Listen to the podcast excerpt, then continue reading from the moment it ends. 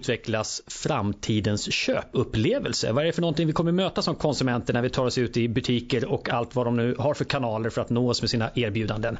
Det här ska vi spana på i framtiden tillsammans med en av dagens gäster och vi ska också titta på vad framtidsbarometern säger om svenskarnas syn på ekonomiska utvecklingen och för att göra detta har jag med mig två eminenta kollegor. Åsa Jonsson, välkommen till Framtidsstudion igen.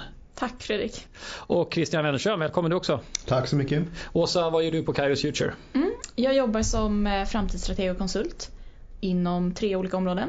Dels jobbar jag med framtidens handel och det är det vi ska prata om idag. Sen jobbar jag också med framtidens internet som webb 3 och metaverse. Eh, kanske några som har hört om. Mm. Och eh, även framtidens organisation och ledarskap. Gott. Christian, berätta. Ja, jag pysslar med allting som har med data och siffror att göra. Allt från eh, infrastrukturen till hur man ska presentera dem i fina bilder och hur man ska använda dem till olika andra projekt. Det kan vara riktigt vad som helst. Eh, regional utveckling jobbar jag framförallt väldigt mycket med. Mm. Just det, och du är ju en del av analysavdelningen och den ser man inte lika ofta här i studion kan man säga. Ni är, hur många är det nu? Sex, sju? Ja, det brukar variera lite grann. Jag tror faktiskt att vi är sju för, för tillfället. Det beror på hur man räknar. Men det är vi som sitter, som sitter längst bak som du säger och drar i trådarna. Precis.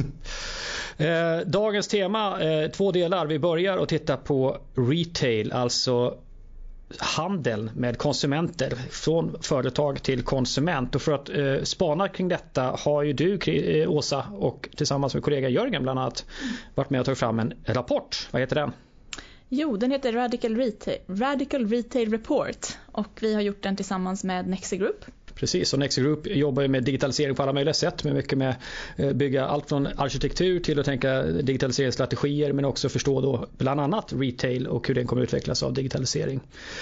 Och den här eh, Radical Retail Report, det här är andra gången, eller en uppdatering visst? Förra året gjorde vi den, den, den, första versionen utav den så då gjorde vi en ganska stor kartläggning av läget i handeln från en, ja, men en digitaliseringslins och, ehm, eller digitaliseringsperspektiv. Och i år så gör vi då en uppdatering på det och tanken är att det här ska bli som en, en följetong där vi kan följa hur olika teknologier påverkar utvecklingen i handeln över tid. Mm. Precis, och vad man vill eh, ta del av den här, hur får man tag på den? Man kan ladda ner den på Nexers hemsida.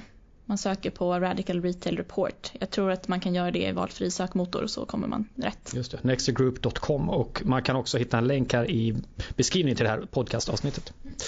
Men du, eh, låt oss ta oss in. Den här rapporten innehåller ju fem stycken kapitel och ett av dem heter Fygitala upplevelser. Vad är det för något och vem är det som har hittat på det här larviga ordet? Mm. Nu vill vi veta. ja, um, fygitala, fygitalt använder vi för att beskriva att det fysiska och digitala smälter ihop i, i stor mån. Um, vi använder dem på nya sätt i olika kombinationer, både i i olika sekvenser men också på platser så kan vi blanda fysiska och digitala element. Och just det här kapitlet då i i rapporten handlar om hur köpupplevelsen förändras och får en, ja, men nya blandningar, nya kombinationer av det fysiska och digitala och vad, vad det uppstår för möjligheter eh, i och med det. Mm. För jag måste bara fråga, är du själv en shoppare av klass? Alltså faktiskt inte. Nej. Jag, eh, jag, jag handlar nog ganska lite saker. Mm. Eh, köper mycket second hand. Eh, om, om jag handlar liksom i, i, i sällanköpshandeln. Mm. Och då är bara min fördom att second hand eh, liksom, delen av, av retailvärlden den är ännu långsammare på digitaliseringen än andra. Det händer faktiskt ganska mycket där just nu. Ja, eh, just nu så finns det, jag skulle säga att det är en stor trend just i år att varumärken omfamnar ehm, eh, andrahandshandel av sina egna produkter och till och med bygger egna plattformar så de kan äga, de kan äga second hand-handeln av sina egna produkter lite mer. Ja just det, smart där men var, jag tänkte mer på de här klassiska second hand-ställena, Stadsmissionen och andra så ja, de är ja, inte ja, så snabba på och har inte resurser riktigt på samma Men Nej. du pratar också om att till exempel Ikea har sin egen, tar hand om någon slags eh, second hand-handel kring sina egna produkter och sådana. Ikea gör det, eh, Canada Goose gör det, mm. eh, Adidas gör det eh, eh, jag hade något, eh, ja även Shein, en sån här fast fashion kedja mm, mm, som man har okay. hört mycket skit om för att okay. de inte är så um, liksom miljömedvetna har nu skapat en egen plattform för att kunna äga second hand av sitt, sina egna produkter. Ja. Christian, eh, hur är du? Vad är din shoppingprofil? ja, jag borde ju kanske ha kompletterat med att vara en riktig shoppingentusiast men jag kan inte säga det heller. Jag, jag köper inte jättemycket grejer ärligt talat. Nej. Eh, eventuellt till barnen, de skulle man kanske då fråga istället. Just det. Ja, Ja, det är sidospår men det är alltid kul att veta vad man har i studion i alla fall. Låt oss gå vidare med de digitala upplevelserna. Jag vet att i rapporten så har ni eh, för att kunna beskriva skiften som sker bland annat byggt upp en modell och modeller vet vi av erfarenhet att de är svåra att eh, köra i podcastformat ibland för de är bra visuella. Men det, vi kan ändå toucha vid de här olika inriktningarna som ni ser, eh, förändringarna som sker, skiften och vad, vad det här leder fram till för olika utvecklingar. Mm. Eh, absolut, så den modellen som, som ni kan då se i rapporten eh, är en fyrfältare, klassiskt. Självklart. Självklart. Eh, och på den ena axeln där så har vi den upplevelse som konsumenten söker när hen är ute och handlar. Mm. Eh, och det handlar antingen om då så vill du ha en, en friktionsfri upplevelse. Jag vill bara jag vill bara kunna gå in i butiken, ta det jag vill ha eller vara i e-handelsmiljön, eh, hitta det jag vill ha och sen snabbt eh, genomföra min transaktion. Eller så är jag mer ute efter att få en härlig upplevelse. Jag vill också kanske vara i en trevlig miljö, jag vill bli, ja men lite, känna att så här, här fick jag en, en liten boost i den upplevelsen som jag, som jag fick. Eh, sedan kan jag också vara eh, på den andra axeln då, antingen så är jag väldigt målinriktad och vet vad jag vill ha. Mm. Eh, jag ska köpa en skjorta som ser ut på det här sättet och det är det jag letar efter. Eller så är jag mer inspirationssökande och vill ha ja, men input. Ja, men kanske är det något sådant eller kanske är det något sånt där. Jag kanske vill ha lite mer råd eller se olika alternativ. Just det. Och då tänker jag det första du pratar om också då med, med eh, friktionsfritt det är ju när man verkligen också kanske vet vad man vill ha tänker jag med ibland.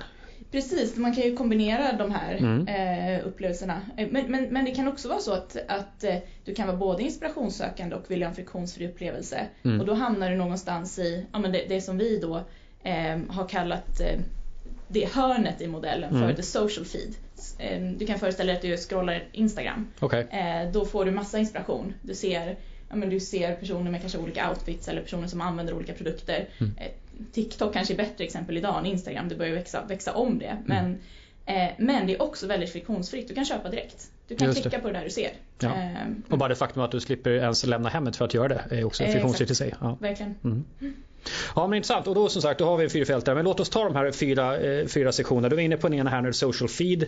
Eh, jag söker inspiration, jag gör det friktionsfritt, jag gör det lite när jag vill, förmodligen också både kort och länge. Eh, olika varianter. Vad har vi de andra kvadranterna för något som ni ser här dyker upp här, utvecklingsområden? Mm. Vi har The Peak Event mm. eh, som eh, handlar då om både att söka inspiration och eh, att vara ute efter en, en härlig upplevelse. Mm. Och här utvecklas det som är spännande här då i, utvecklingen mm, är, är de, de varumärken som använder ehm, VR och AR och immersiva miljöer. Det är där vi ser den största utvecklingen i den kvadranten just nu. Mm. Där bygger till exempel varumärken egna miljöer som kan vara ganska spelliknande på okay. olika typer av digitala plattformar. Mm. Och här försöker man tillgodose, om jag förstår det rätt då, här försöker man tillgodose ett behov av en kund som egentligen kanske inte behöver någonting men man är ute och shoppar som underhållning också lite grann. Man vill se lite nya grejer, man vill gärna uppleva någonting nytt. Jag gissar att det även finns en social dimension kring detta kanske tillsammans med andra eller att man åtminstone kommunicerar om det. Sociala medier och så vidare. Men det, är, det primära är inte att lösa ett behov i, i en materiell mening, eller? Exakt, det skulle jag vara tydlig med. Det här, det här behöver inte vara ens transaktionsdrivande. Du kanske inte säljer någonting för den här stunden mm. utan du mer bygger relation, skapa ett community kring ditt varumärke varumärke. Mm. Mm. Och då tänker jag att det låter som något som man kan göra om man är en ganska stor aktör. Alltså att man har råd att bygga sådana miljöer som kanske inte ens som säger, leder till en transaktion. Eller? Eller ser du även exempel på små aktörer som Ja, och det är därför det är, eh, det är, därför det är spännande att, att se den här, just den här modellen ur ett digitalt perspektiv. För att göra en sån satsning, att bygga som typ Nike har byggt Nike Land i Roblox. Ja, mm. men det har ju tagit jättemycket resurser. Mm. Men det här kan ju också handla om att du gör någonting väldigt fysiskt. Du kanske håller en en föreläsning om eh, en viss sorts eh, livsmedelsproduktion i din lokala matbutik. Aha, Eller okay. så kan det vara en liten eh, träningsbutik som kör ett yogapass. Det där, okay, det här är vi utvecklingen mot peak-upplevelsen. Det här som du säger, inspiration och, och, att, få, att få se någonting nytt och uppleva någonting speciellt när man konsumerar eller är i den här miljön. Då så. Men sen har vi fler eh, utvecklingar i den här modellen. Ja, um, vi har en utveckling då mot det som vi kallar för the Tailor Service eh, som handlar om hur man kan kombinera då fysiska och digitala element för att skapa en skräddarsydd upplevelse för kunden. Och ett spännande exempel här är utvecklingen av teknik som eh, hjälper oss att virtuellt prova olika produkter. Det kan till exempel vara att vi kan scanna in vår kropp och få en avatar som har precis de måtten som vår kropp har. Mm. Och så kan vi prova kläder utan att fysiskt behöva göra det. Eh, Och på så sätt få en, en skräddarupplevelse mm, som är ny. Och hur exakt har det här blivit undrar jag som lite eh, amatörmässig e-handlare. Kan man verkligen lita på att det här funkar då? Om man skannar av sin kropp? Har, har någon uppfattning om hur precis, och att, då måste man veta exakt hur stora plaggen är på varenda liksom, ja Precis, det kräver ju den teknologin också. Ja. Att du behöver digitalisera dina plagg. just det. Eh, Så, så det är ju Ja, det, det kräver, kräver den förutsättningen. Jag vet inte, jag kan inte svara på så här, hur exakt det är just Ja nu. precis, jag Men, bara vill veta annars så ja. kommer jag inte köpa något på den vägen tänker jag. Men stor, stora aktörer investerar mycket i det. Alltså Mm. både H&M, Amazon. gör Jag hade ju hellre satsningar på 3D-printat detta. mig själv hos, hos eh, leverantören så den kunde dra på kläderna och visa mig hur väl det sitter då. Just det, just Men då måste det helt enkelt justeras förstås beroende på dagsform om Ja, det är precis. semmelperiod eller inte. Ja, Traditionellt sett så brukar ju skräddare jobba utifrån mått. Att, att de mäter kroppen och sen gör utifrån det. Så jag tänker mig att om man då helt enkelt har de måtten i en digital tvilling så är det inte så annorlunda som man kanske tror. Om man nu, gör, om man nu jobbar som en traditionell skräddare. Det finns väl, eh, det finns väl med alla, det finns väl en, eh, en skala där mellan skräddare och eh, massproducering med någon slags masskostymisering som man har pratat om. Mm. Okej, då har vi pratat om eh, The Peak Event, en riktning som retail tar sig. Vi har pratat om The Tailor Service där vi använder ny teknik då för att ännu mer skräddarsy leveransen, vad kunden köper för någonting. Vad har vi mer att, se framför oss på gång här? Ja, men vi har det som vi kallar för the Just Walk Out eller One Click Store. Och här har e-handeln legat långt fram under lång tid och försökt optimera för konvertering. Man tar bort så mycket friktion som möjligt för man vet att så fort det blir lite jobbigare då droppar kunden ut. Men här sker också mycket utveckling nu i, i fysisk miljö. Ehm, vi var i New York och trendspanade här i början av året och besökte Amazon Fresh som är en matbutik där man handlar genom att man skannar sin handflata när man går in i butiken. Och sen kan du plocka vad som helst från hyllorna. Och Du är liksom följd av kameror, 5 till 6 tusen kameror var i den här butiken. Och sen kan du bara ta dina varor och eh, eh, skanna din handflata och gå ut och så sker betalningen då automatiskt. Mm. Ehm, så det blir det är väldigt, väldigt friktionsfritt. Mm. Ganska anonymt men, men eh, eh, smidigt. Jag vet inte om anonymt är ordet jag skulle ha använt. Nej, kanske inte på det sättet. Det har du rätt i. Mm. Väldigt intimt. Ja. Men jag fattar. Ja. Ja, det är intressant för jag kommer ihåg vi hade för några år sedan då eh, figurerade i, när vi eh, höll föredrag så fanns det ett filmklipp ju. Det var väl Amazon också som gjorde en helt obemannad butik. Ja. Men fick, den fick inget stort genomslag då, men det kanske kommer nu här. eh, Så. Men det var en väldigt inspirerande video just på detta. Så att, bara apropå liksom hur snabbt teknologin rör sig framåt och inte ibland. Man förväntar sig att det, det kommer snart komma. Och då hade de startat i Seattle tror jag, och det var ju Ja. 2017 tror jag. Någonting sånt där. Ja exakt och nu den här butiken, de här butikerna har ju personal men de kan bara ägna sig åt andra saker Just det. än eh, att till exempel ja, sitta i en kassa. Mm. Eh, någon annan berättade om en eh, butik var i Finland. De hade gjort en, eh, en kassa som var gjord för den som ville kunna prata med kassören. Mm. Det tyckte jag var hela mysigt. Det var så här, lite långsam och liksom för dig som kanske då inte har jättestort umgänge eh, i övrigt ibland och, eller tycker det bara är trevligt att kunna ha en relation med människor omkring dig i största allmänhet. Så det, det var ett smart, tycker jag, sympatisk utveckling också. Apropå olika trender, får mottrender och lite så behov som tillgodoses på olika sätt. Ja och det där tycker jag är viktigt och det där tycker jag är viktigt att lyfta fram och också att, att ja, men det pratas mycket om så här Um, Omni och det digitala och fysiska kompletterar varandra och bildar en enhet men det handlar också om att se vilka de unika egenskaperna i det fysiska och i det digitala faktiskt är. Så att se det också som separat och det här är ju någonting som, ja, men som jag tror är viktigt speciellt i butiker som är del av lokalsamhällen att skapa den närheten. Är vi kanske rent av eh, på väg tillbaka, i alla fall delvis, till den gamla diversehandeln där man går in och frågar, frågar expediten bakom disken vad man vill ha. Två ägg, två kilo mjöl och så vidare. Precis, vi får se vem som har lust att betala för den bemanningen men det kanske kommer. Lyxvara. Lyxvara, precis. Eh, ja, spännande. Eh, vi har tittat på ett antal av här, eh, alla fyra egentligen, utvecklingsriktningar som beskriver rapporten. Som sagt går att ladda ner för den som vill läsa någonting mer.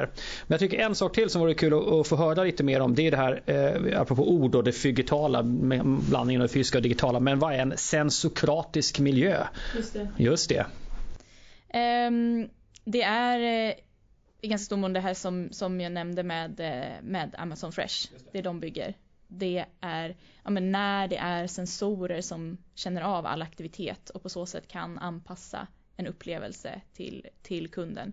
Och ja, men om man tänker på en, en e-handelsmiljö renodlad, där kan du följa kunden, precis vad de gör, vad de klickar och, eh, och på så vis dra ganska mycket slutsatser kring ja, men vad ska vi presentera för, eh, för eh, rekommenderade produkter för dig eller hur ska vi anpassa den här delen av sajten.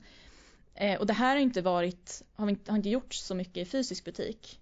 Men en stor, ja, men no, någonting som vi verkligen såg eh, i, när vi var trendspanade i New York, för då besökte vi också en jättestor mässa. Eh, och där var det väldigt stort fokus på sensorer i butik som kunde mäta av då eh, hur människor flödar, vad de tittar på, vad de gör där inne. Så det är ett steg mot att, eh, att ehm, eh, med hjälp av av sensorer och digital teknik kunna anpassa butiken mer. Både momentant då för att kunna säga att så här, men då ska vi visa det här på den här skärmen eh, om du har lyft den här produkten. Eh, eller över tid när man ser att okej, okay, människor flödar så här i butiken. Då kanske vi ska bygga om layouten på det här sättet. Ja. Just det. det. För mig dyker tanken upp så är det så att det kanske retail som i en mån kommer liksom vara eh, fronten för övervakningsfunktioner. Och du menar att övervakning, låt ordet vara neutralt nu så att säga, utan mer bara så att det där vi testar hur mycket man kan göra med sensorer. Alltså för att alla, nästan all, alla går och handlar någonting någonstans. Eh, det är, ett, det är ett väldigt flöde med objekt eller personer som man kan liksom testa utrustning på teknik, tekniskt. Liksom. Och man vänjer sig också fort tänka som konsument. Enkelheten att lägga ner handflatan och sen gå in och göra sina grejer och lägga handflatan igen kommer få en ganska stor Stor andel människor tycker att jag skiter i att jag blir övervakad på det sättet. Det är värt det. Jag bryr mig inte längre och det händer ingenting. Det, alltså blir det ingen faktisk krasch så att säga så tror jag många kommer tycka att det där är tillräckligt bekvämt för att jag ska sluta fråga någonting. Så. Och då är det bara att fundera på eh, tanken som dyker upp. Är det så att det, det kanske inom retail vi kommer se ännu mer utveckling kring hur övervakning kan gå till och att, att eh, liksom den etiska gränsen eller den personliga integriteten justeras just av att det är något vi gör inte bara en gång per år utan vi gör det hundratals gånger per år och tycker att det blir mer och mer normalt. Apropå Kina till exempel om man pratar om övervakning eller ja, eh, alla fantasier som har funnits som övervakningssystem. Vad, vad tror ni, kan, kan det här vara ett område där vi i praktiken får Internet of Things och kopplingen till? Alltså ja, jag, jag tycker att det är verkligen rimliga tankar och jag, eh, jag tänker igen på utvecklingen inom e-handel med eh, riktad marknadsföring. Att det är ju det är ju den utvecklingen fast online. Mm. Eh, och den har drivits av att eh, bolag vill sälja saker. Alltså jag vill rikta min kommunikation till dig, jag vill förstå dig och rikta min kommunikation till dig för att du ska köpa någonting. Eh, så det är en väldigt stark drivkraft. Och nu ser vi en backlash i det online, att människor inte vill eh, bli trackade på samma sätt och det blir, har blivit väldigt mycket svårare att bedriva den typen av marknadsföring för, eh, för handelsbolag. Men ehm, Eh, ja, det, det, jag, jag, tycker att det är ett rimligt resonemang att det kan, kan drivas av den motivationen även offline. Och där finns ett annat, alltså drivkraften eh, förutom att det är tekniskt möjligt och att man vill sälja som du säger, men det andra har varit också människor i sociala, alltså hur mycket folk är beredda att dela med sig av för att få vara del av det sociala samtalet eller sammanhanget på Facebook, Instagram eller vad det är för någonting. Eh, den, den lusten och viljan är så stark och jag tänker även konsumtion i allmänhet är helt nödvändig för många så att det, det blir nog lätt att kompromissa där. Så. Ja, jag skulle nästan säga att det är, väl, det är väl redan nu så att just när det gäller gäller transaktioner och betalningar och handel och konsumtion och sånt. Det är där övervakningssamhället inom citationstecken har kommit allra längst. Mm. Och det kommer väl av, så som du säger, att eh, man, visst man måste handla, man måste kunna köpa saker. Men det är ingen särskild sak som du behöver köpa oftast och ingen särskild aktör som du behöver eh, köpa någonting ifrån. Och det gör ju att det är lätt att det är lätt att bortse från orosmoln som kanske kommer om, eh, om man har övervakning från statens håll eller från, från andra aktörers håll som man är mycket mera på tårna mot och så, där, så är det mycket lättare att det passerar igenom när det görs av eh, kommersiella aktörer just på grund av att ja, ja men du kan ju låta bli. Ja, Sen så gäller det kanske inte alltid när du pratar om eh, betalningsprocesseringar och såna här grejer som är nästan i princip eh, omöjliga att komma undan. Du skriver i det här också avsnittet om en kanalexplosion som driver på det här skiftet. Berätta mer, vad då kanalexplosion? Det är många, många bra och fyndiga ord här så man blir nyfiken det, antalet kanaler som ehm, då varumärken kan nå ut till konsumenter har ökat, ökat ehm, liksom explosionsartat senaste åren. Eh, det finns inte längre bara den fysiska platsen eller ett begränsat antal hemsidor utan det finns eh, en otrolig mängd sociala plattformar och den, den digitala sfären är nästan oändligt stor idag. Man kan bara titta på siffran att så här, 2012 så hade den genomsnittliga sociala medieanvändaren tre stycken konton på sociala medier. Tre plattformar. Ja. idag är det åtta. Jag är inte genomsnittlig. Vad härligt, du får vara lite unik, sticka ut lite från mängden. Och det eller andra hållet. Gud vad härligt. Precis. Ja. ja men och det här betyder att eh, man behöver tänka lite annorlunda kring, kring hur man når ut till människor. Det går liksom inte att befinna sig överallt och att försöka eh, broadcasta sitt budskap utan det handlar mycket mer om att skapa attraktion, att skapa en magnetism som Eh, konsumenter dras till och vill vara en del av. Just det. Men likväl måste man ju synas någonstans för att den här magnetismen ska bli kännbar gissar jag. Absolut. Ja. Ja.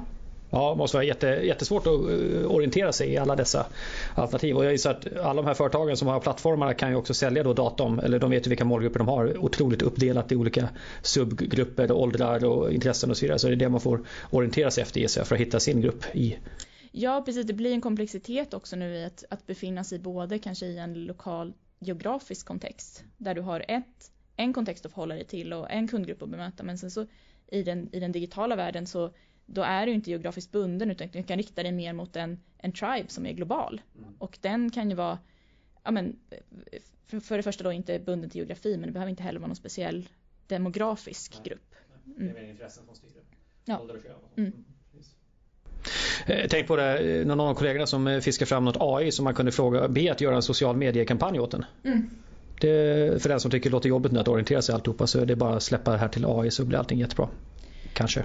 Ja, alltså det är ju någon sorts dystopisk vision om framtiden så att den liksom, det synliga lagret av internet bara kommer vara bottar som typ eh, kastar information på varandra. Mm, just det.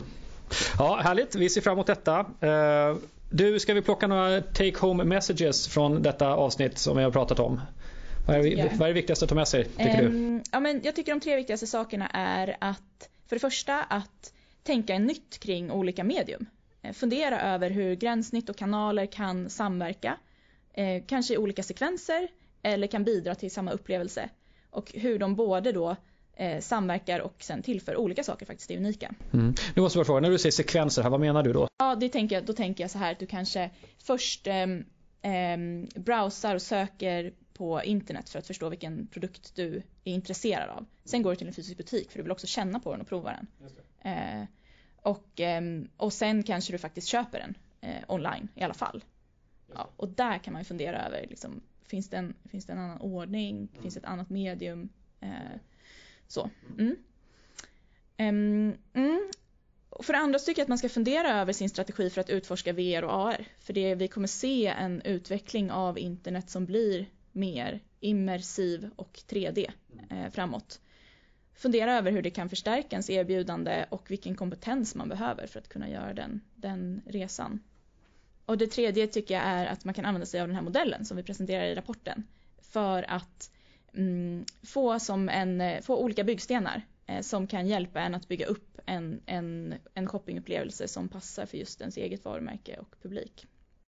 Tack Åsa, nu har vi fått kolla in på ett av fem avsnitt i Radical Retail Report som man kan ladda ner hos nextergroup.com men också i länken som finns här i poddavsnittsbeskrivningen. Är du sugen på att shoppa Christian?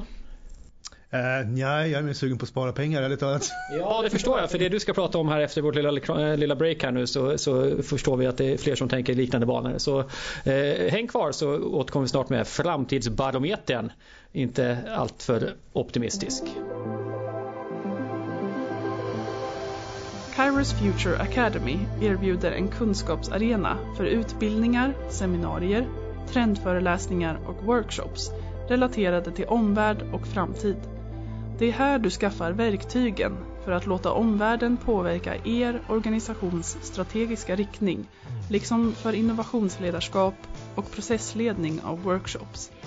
Kalendarium med kommande kurser finner du på kairosfuture.com. Då så, då är vi tillbaka och så vänder vi fokus mot framtidsbarometern. Christian, det är du som eh, sorterar i insamlad data. Berätta lite, vad är framtidsbarometern för någonting? Ja, eh, Framtidsbarometern är eh, arvtagaren till Coronabarometern som var vårt tidigare månatliga utskick. Där vi eh, rapporterar lite hur det, då, då rapporterade vi hur det gick med pandemin och kampen mot denna. Men allt eftersom det har dragit sig tillbaka lite grann till, till bakgrunden så har vi börjat diskutera lite bredare ämnen, lite andra ämnen mer generellt inriktade på framtiden. Och till grunden för det här månatliga utskicket då så ligger en eh, månatlig enkät som vi skickar ut till eh, vårt medlemsnätverk Kairos Future Friends. Och Kairos Future Friends det är en, ett nätverk av eh, omvärldsanalysintresserade svenskar. Två tredjedelar av dem har ledande positioner både i näringslivet och i offentlig sektor. Så att, eh, där, det är ett bra sätt för oss att eh, ta Sverige på pulsen lite grann när det gäller de som, eh, de som fattar de viktiga besluten. Och vill man så kan man gå in på vår hemsida och läsa de här olika vad framtidsbarometern visar för någonting olika månader och senaste gången här då så var ju rubriken Framtidsbarometern mot lågkonjunkturen. Vad kan vi säga om denna, denna gång? Ja, precis. Vi har, lite, vi har lite negativt tema den här månaden, det kan man inte komma ifrån. Eh, det tar sin, tar sin utgångspunkt ifrån att eh, Konjunkturinstitutet i slutet av förra året varnade för att vi kan röra oss mot en lågkonjunktur under eh, 2023 där BNP per capita kan gå ner någon procent eller så. Och det är ju mycket som inte ser särskilt bra ut. Elpriserna har skenat och inflationen skenar och räntorna går upp och allt möjligt ser ganska illa ut. Det ser man till exempel i eh, Konjunkturinstitutets mikroindex som de använder för att eh, eh, fråga hushållen vad de ser, hur de, vad de ser, hur de ser sin egen ekonomi i framtiden. Och den har totalkraschat under 2022 helt enkelt. Den var ganska optimistisk under sommaren 2021 när vaccinationen var i full gång och nu kanske vi kan lägga den här pandemi-otrevligheterna bakom oss.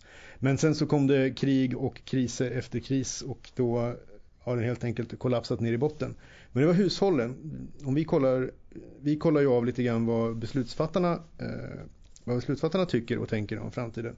Så därför har vi vårt eget framtidsindex. Det är faktiskt en, ett sammanvägt index av fyra av de frågor vi ställer i det här månatliga utskicket.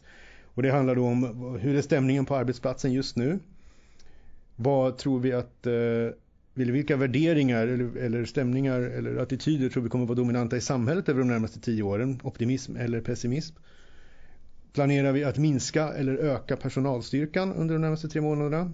Och hur är i allmänhet synen på branschens framtid? Ser det bra ut för, för eh, din bransch eller ser det dåligt ut? Så tittar vi på svaren på de här och så väger vi ihop dem till ett index och så får man se hur, hur positivt Eh, folk ser på, sak, på saker och ting helt, eh, helt enkelt. Och precis som Konjunkturinstitutets index så har ju det här droppat ner i botten helt enkelt i, eh, efter, efter förra våren 2022. Däremot så har det varit så att det har långsamt krupit sig bit för bit upp sen botten i, i oktober.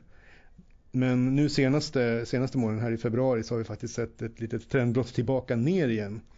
Kanske det är den här varningen från Konjunkturinstitutet om att vi rör oss in i en lågkonjunktur som gör att, eh, att eh, pessimismen har så att säga åter, återkommit än en gång. Mm. Eh, en intressant tycker jag bit den här framtidsbarometern är att eh, ni har frågat hur man ser på sina planer framåt så att säga. Hur man justerar sina eh, planer på medellång och, och kort sikt kanske då man kan säga. Eh, vad, vad, kan vi säga om det? Vad är det för någonting som, som privat och offentlig och, eh, sektor säger kring hur de justerar sina planeringar framåt? Det är de ju tvungna att göra. De, de måste justera sina planeringar just för att inflationen har blivit så pass kännbar.